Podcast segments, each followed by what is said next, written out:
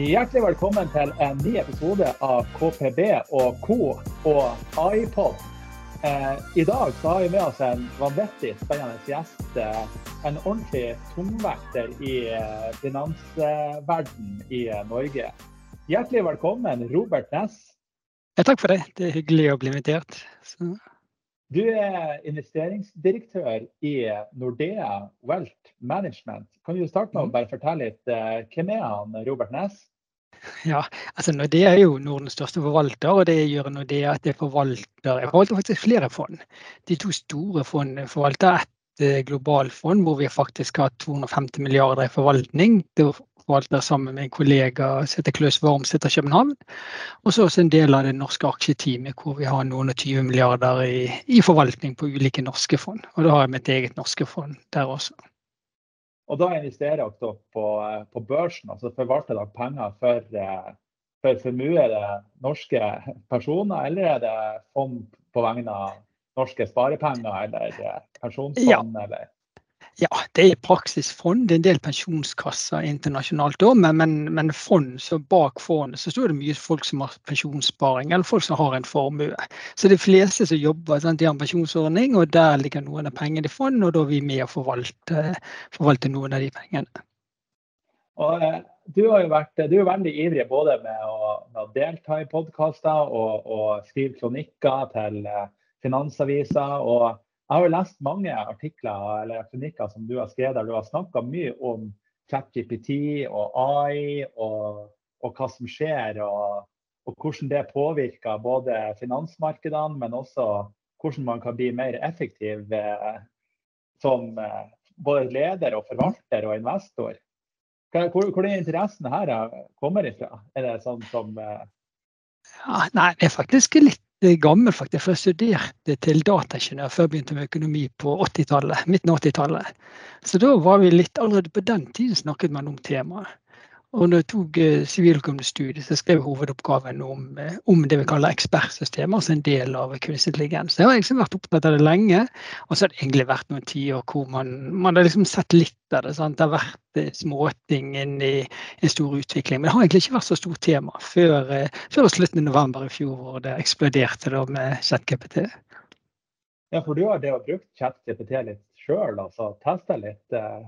Kan du si litt om hvordan du har det å teste litt eh, for deg sjøl?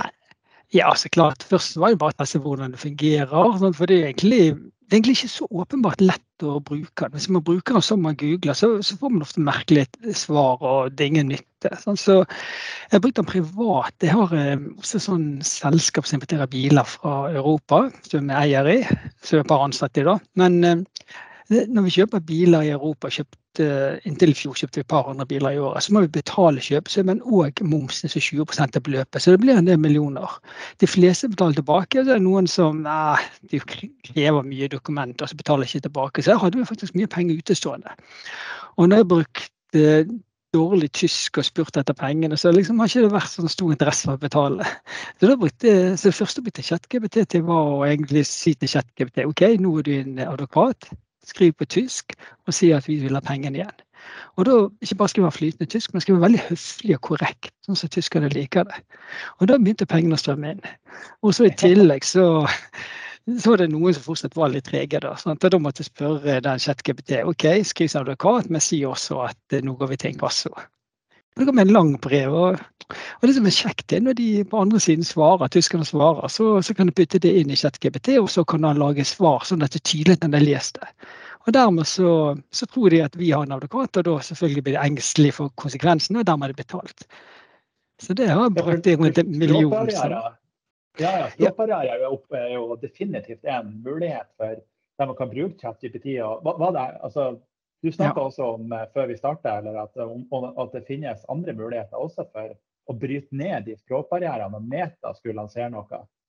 Ja, altså Meta egentlig de som kommet lengst. Sant? Det er snakk om OpenAI og, og deres produkter, Microsoft. Men, eh, men Meta de kommet lengst. De har lansert en språkmodell som greier så mye som 1100 språk flytende og så 3000 andre språk skriftlig.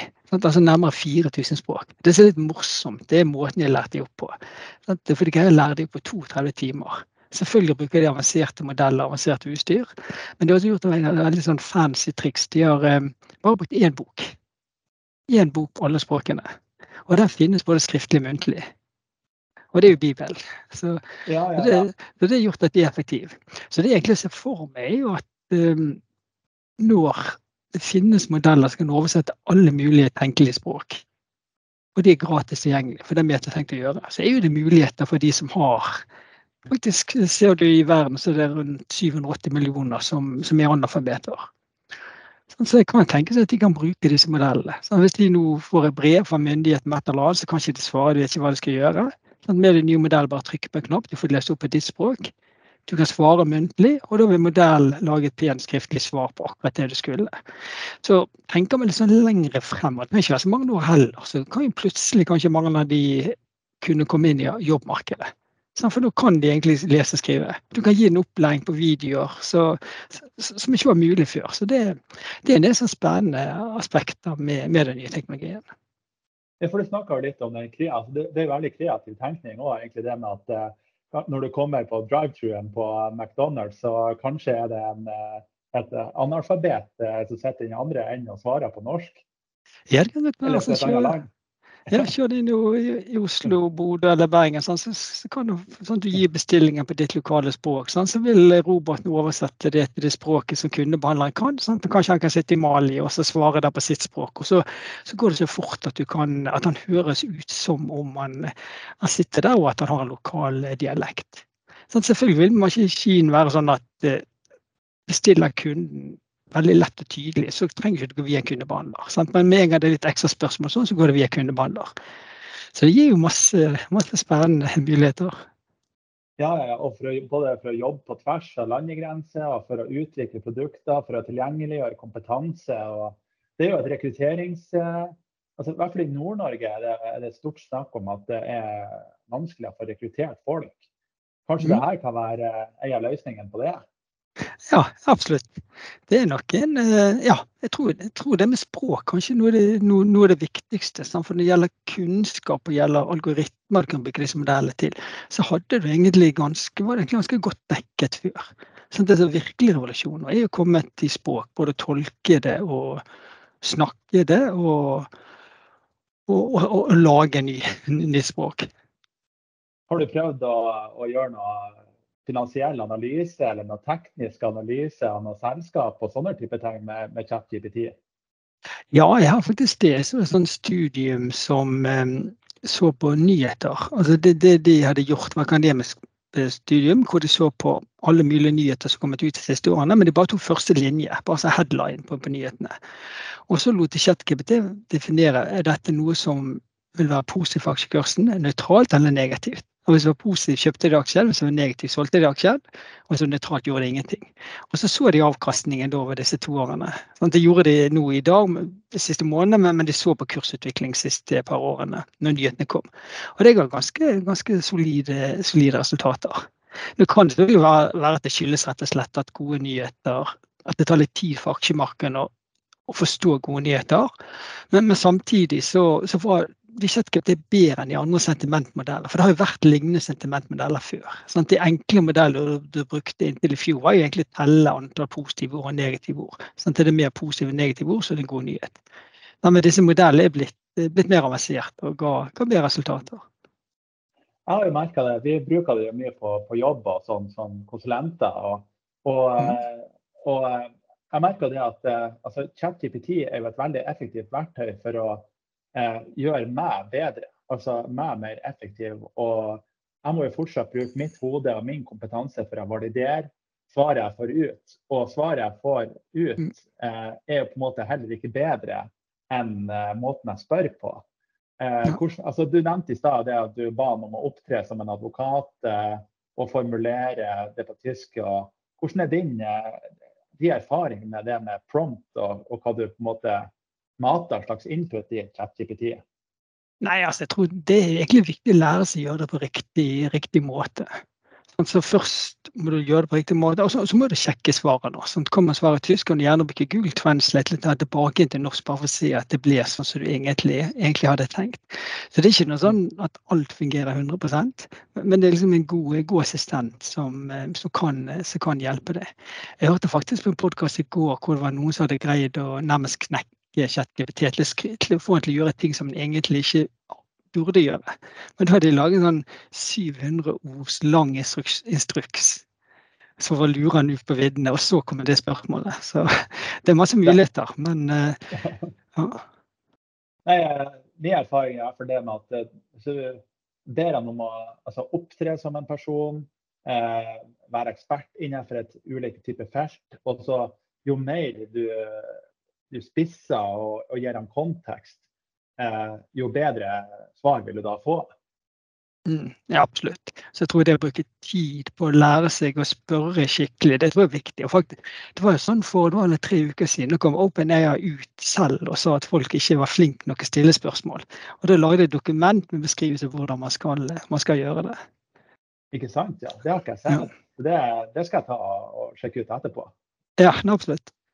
Men eh, jeg har også sett eh, at du har nevnt litt om det med, med altså, Du har jo både dotcom-bobla, eh, du mm. hadde jappetida, eh, og, og nå da AI-alderen, eh, eller AI-tida, hvis man kan kalle det. Altså, hvordan, er det noe sammenlignbarhet mellom eh, Er det noen bobletendenser her nå, eller er det, eller er det bare generell hype som er på en måte legitim? Så kan du fortelle litt om ja. makro perspektivet på, på AI-bølgen og aksjemarkedet. og hvordan, hvordan, ser det ut det der? Ja, det er det vi så jo på slutten av 90-tallet, 97, 98, 99 og fram til sommeren 2000, hvor aksjer gikk steg veldig mye. for det, Så, så fant du bare nevnte at du skulle satse på internett, internasjonalt, så steg aksjekursen. Og, og da fra med da høsten 2000 og årene etterpå fikk du kraftig fall i aksjemarkedet. Dette er det største fallet på, i nyere tid. Og det skyldes at kursene har steget, men det var liksom langt fram til inntjening. Så spørsmålet er det det samme nå. Vi hadde en sånn liten eh, hype også for fire år siden med kjøttfri mat. Da var det aksjer som steg enormt mye, og de har, de har kollapset igjen. Så ja, på den ene siden så er det viss fare for at det skjer noe. På den andre siden så er det litt mer fundament i det. Så Den som har steget mest, det er jo Nvidia som produserer data, eller designer databrikker. De tjener egentlig i dag allerede 400 millioner kroner mer for dagen enn det man trodde bare for noen uker siden, fordi at de produserer ekstra chipper. Så, så, så det er forskjell nå. Nå er selskapene faktisk begynt å tjene penger på det. Meta, sier Facebook og Microsoft, de tjener ikke penger allerede i dag, men, men jeg tror kanskje allerede neste år så vil de tjene penger på det. Så det sier at vi har litt mer støtte for oppgangen nå enn det du hadde da. Men samtidig kanskje sånn Nvidia den, den har steget så mye at um, og der kommer masse konkurrenter frem. AMD sine konkurrentene. De skal komme med noen nye skipper. Jeg hørte faktisk i morges så kom Microsoft ut hvor man fant noen dokumenter hvor de også planlegger å designe sine egne AI-skipper. Så Nvidia kan få mer konkurranse. Så noen av selskapene som har steget mye, kan nok komme fort ned igjen. Mens andre tror jeg faktisk uh, kan holde seg der. Og er det noen som ikke stiger til det hele tatt, som burde ha steget. Så det kan bli spennende fremover. Hva tror du er grunnen til at de som ikke stiger, som burde ha steget, hva, hva er grunnen til at de ikke får den uh, aksjeoppgangen som, eller kursoppgangen som de, som de da burde ha fått? Det tror jeg er mer fordi det er lengre tid frem.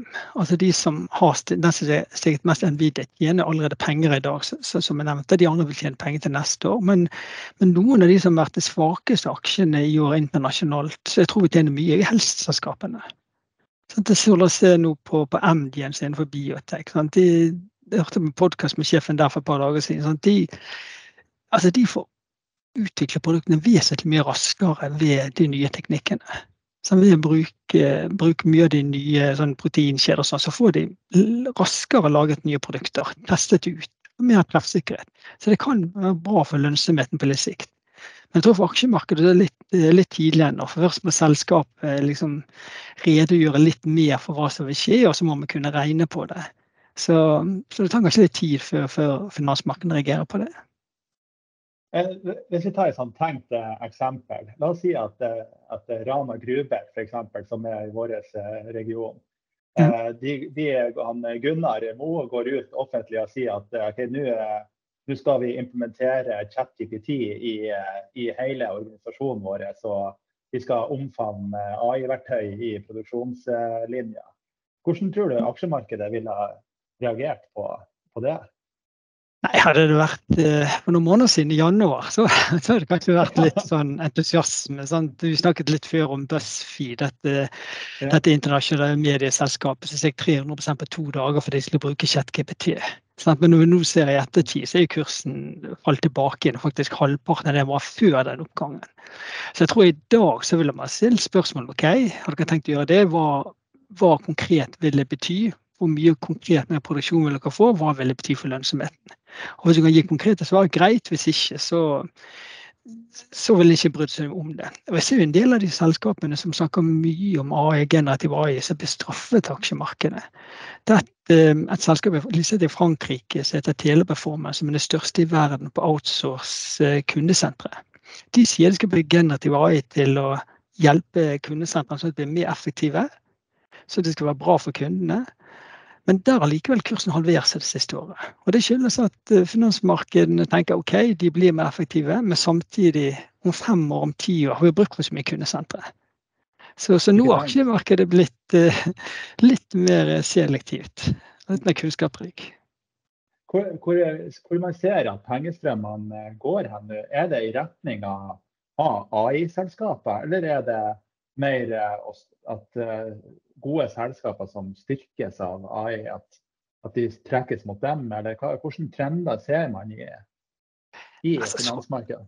Ja, Så langt har det vært egentlig knipp av Du har åtte selskap som blir et mest halve nei, ikke halve, tre fjerde avkastningen i USA. Sånn, Med Microsoft, Nvidia, Tesla og en del andre som, som har tjent mye på det. Og, og det er mange investorer som kjøper det du kaller ETF slags fond hvor det, du bare investerer i, i knippe av selskaper som er en AI. Der kom det inn veldig mye penger. Så så langt er du på de selskapene. Jeg vil jo tro at på, på litt sikt så vil de aller fleste selskapene tjene på det ved at de, blir, de ansatte blir mer effektive. Og dermed er det bra for de fleste. Men så langt er markedet litt på, på disse åtte til ti selskapene at de kommer til å tjene på det, og resten har ikke man tatt stilling til. Jeg så jo eh, når jeg satt eh, Jeg ble jo far nå for ikke så lenge siden. Og da satt ah, jeg på, ja, tusen takk, på, eh, på fødestua så satt jeg med Finansavisa. Og da var du på framsida. Eh, der det sto at du, at du hadde spara tre til fire timer om dagen ved hjelp av, av ChatGPT, hvis jeg ikke husker helt feil. Eh, sparer du så mye tid om dagen? Ja, jeg tror faktisk det var en en annen som akkurat det med tre-fire timer, men det har vært på forsiden der om, om AI også. Så um, jeg, jeg, tror, um, jeg, tror, jeg, tror, det er mye tid å spare. Um, neppe så mye. Selvfølgelig Akkurat nå er du i en investeringsfase, så nå tar det mye mer tid. du bruker mye tid eh, på det. Men jeg tror etter hvert så er det egentlig mye å spare. Pluss at du har gjort ting du ikke hadde greid før. Jeg tenkte å, å lage et maskinlæringsprogram for å se på kraftmarkedet og hva som påvirker det. Og det er en sånn tung barriere å komme i gang med. Som egentlig selv om vi kan programmere, så kanskje ikke er det greid å få det til eller brukt veldig lang tid. Og da brukte, de, brukte, brukte disse robotene til å ok, kan du lage et maskinlæringsprogram for meg i Python som analyserer kraftmarkedet ut fra disse parametrene. Og da fikk jeg en veldig god tekst som funket. Starten så ble det bare sånn halvbra. Så jeg spurte ok, hvordan skal jeg legge til flere parametere som priser i Europa og sånt. Og da til slutt ble det en veldig bra modell. Så den tok det liksom bare sånn tre timer å lage. Sant? Jeg, jeg tror uten, uten, disse modellene så hadde jeg ikke kastet meg ut i det. Sant? Så, så da kan du få en dramatisk forbedring. Utrolig kult. Ja, ja, denne modellen den bruker du da når du skal analysere kraftmarkedene i dag? Eller? Ja, altså, da brukte egentlig å se hva det betyr nå. Sant? Du så jo på prisene på Vestlandet. Okay, hvor viktig er regnet? Hvor viktig er temperaturen? Og faktisk, de betydde veldig lite. Sant? Når jeg la inn kraftprisen i Nederland, så plutselig fikk jeg all forklaring. Så, så, det var liksom grei, grei kunnskap. Så, så det, det, er egentlig mer modeller en kan bruke til, eh, ja, til å utvikle andre ting. Når ser på, ser på noe selskapet investerte for å forstå hvordan inntjeningen til selskapet blir formet fremover. Sånn jeg tror lite at de modellene kan brukes til liksom her er fem selskap, hvilken de skal kjøpe. Det, det, det, har jeg ikke noe særlig tro på. For det blir, eh, det blir litt for enkelt for modellene. Men gå mer sånn detaljer tror jeg, tror jeg er viktig. Ja, Det kan jo kanskje brukes for å gi som du sier, mer kontekst til å ta beslutninger, og også klare å prosessere mer data for å få den kunnskapen, eller det, det beslutningsgrunnlaget da, for å ta investeringen som man gjør. Absolutt, det tror jeg. Altså, så jeg måtte til, så jeg brukte den også til å spørre kan du finne portefølje med ti aksjer som er høykvalitetsselskap, lavere risiko enn markedet og grei verdsettelse. Det er litt sånn som vi forvalter på globale aksjer. Og da kom han med ti aksjer som akkurat sånn som vi hadde i porteføljen. Så, det, så der var han egentlig flink. Og hvis du f.eks. har sånn Warren Buffett som en helt innenfor investment, så kan du egentlig si at OK, jeg har stor tro på Warren Buffett. Kan du gi eksempler på selskap som han ville ha kjøpt? Og så får du opp det. Sant? så kan det være en inspirasjon til, å, til hvilket selskap du skal se nærmere på. Ja, og så kan man jo, hvis man har Warren Buffett som en helt, kan man jo også eh, få altså, summert opp eh, bøker som han har skrevet, eller, som han skrevet, eller bøker som er skrevet om han. og og ja. om hans investeringsfilosofi og, og, alt sånt. Ja, absolutt. Også det er sånn, Vi snakker mye om ChatGPT, men, eh, men, den modellen som, som jeg bruker brukt mest, og kollegene mine bruker mest, jeg heter Perplexity. Fordi at den, er som chat, den bruker ChatGPT under, men så i tillegg så søker han på, på nettet, sånn at den er helt oppdatert per i dag. Og det viktigste av alt er at uh, alle svarene jeg gir, kommer med en referanse. Så dermed kan du sjekke om det som står der er riktig eller ikke. Så, så når jeg skal prøve å finne, grave mer informasjon om et nytt tema, så begynner alltid med den. Og så kommer det mye på referanser, og så kan du jobbe ut ifra referansene. Så det er egentlig der ChatGPT kommer til å være om noen måneder. Ikke sant, ja.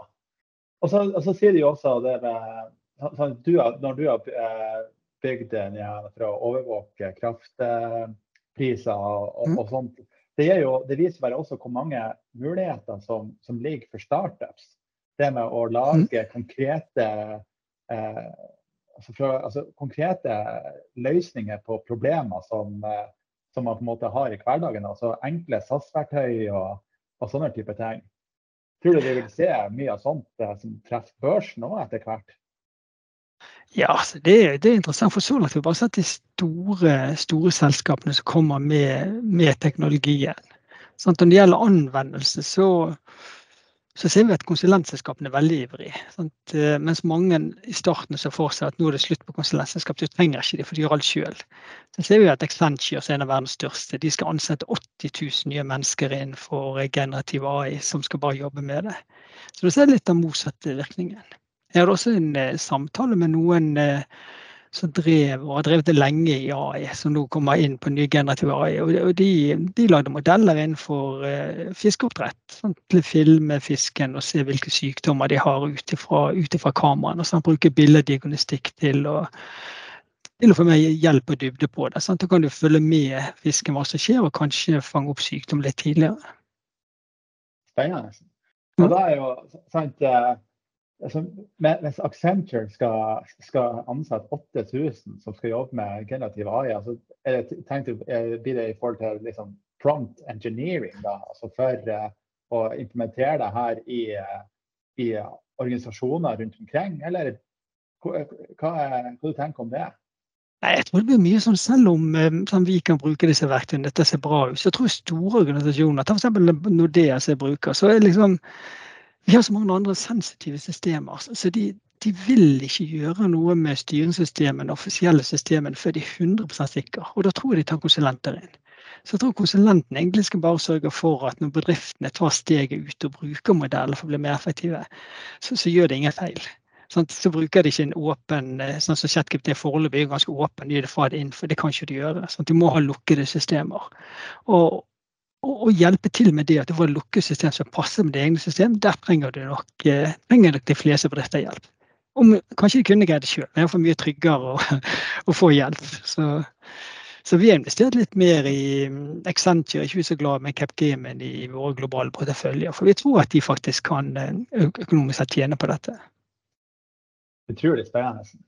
Nei, altså Mulighetene er jo, er jo helt enorme. og det er, jo, det er, jo, artig å se både hvordan eh, du som investeringsdirektør i, altså i eh, Nordens største investeringsfond eh, omfavner teknologien både i din egen hverdag til å gjøre deg sjøl mer effektiv, og bruker den til å lage et eget lite SAS-verktøy for å predikere priser på mhm. kraft. Og, men også hvordan de globale aksjemarkedene eh, fungerer, og hvilke trender man ser. Og, så det, mhm.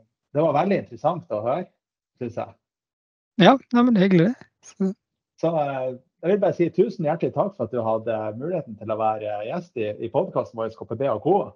Ja, noe hyggelig, hyggelig, å være med. Så setter pris på det. Så, eh, så, skal jeg sjekke ut det der med OpenAI og den prompt-guiden som de hadde kommet med.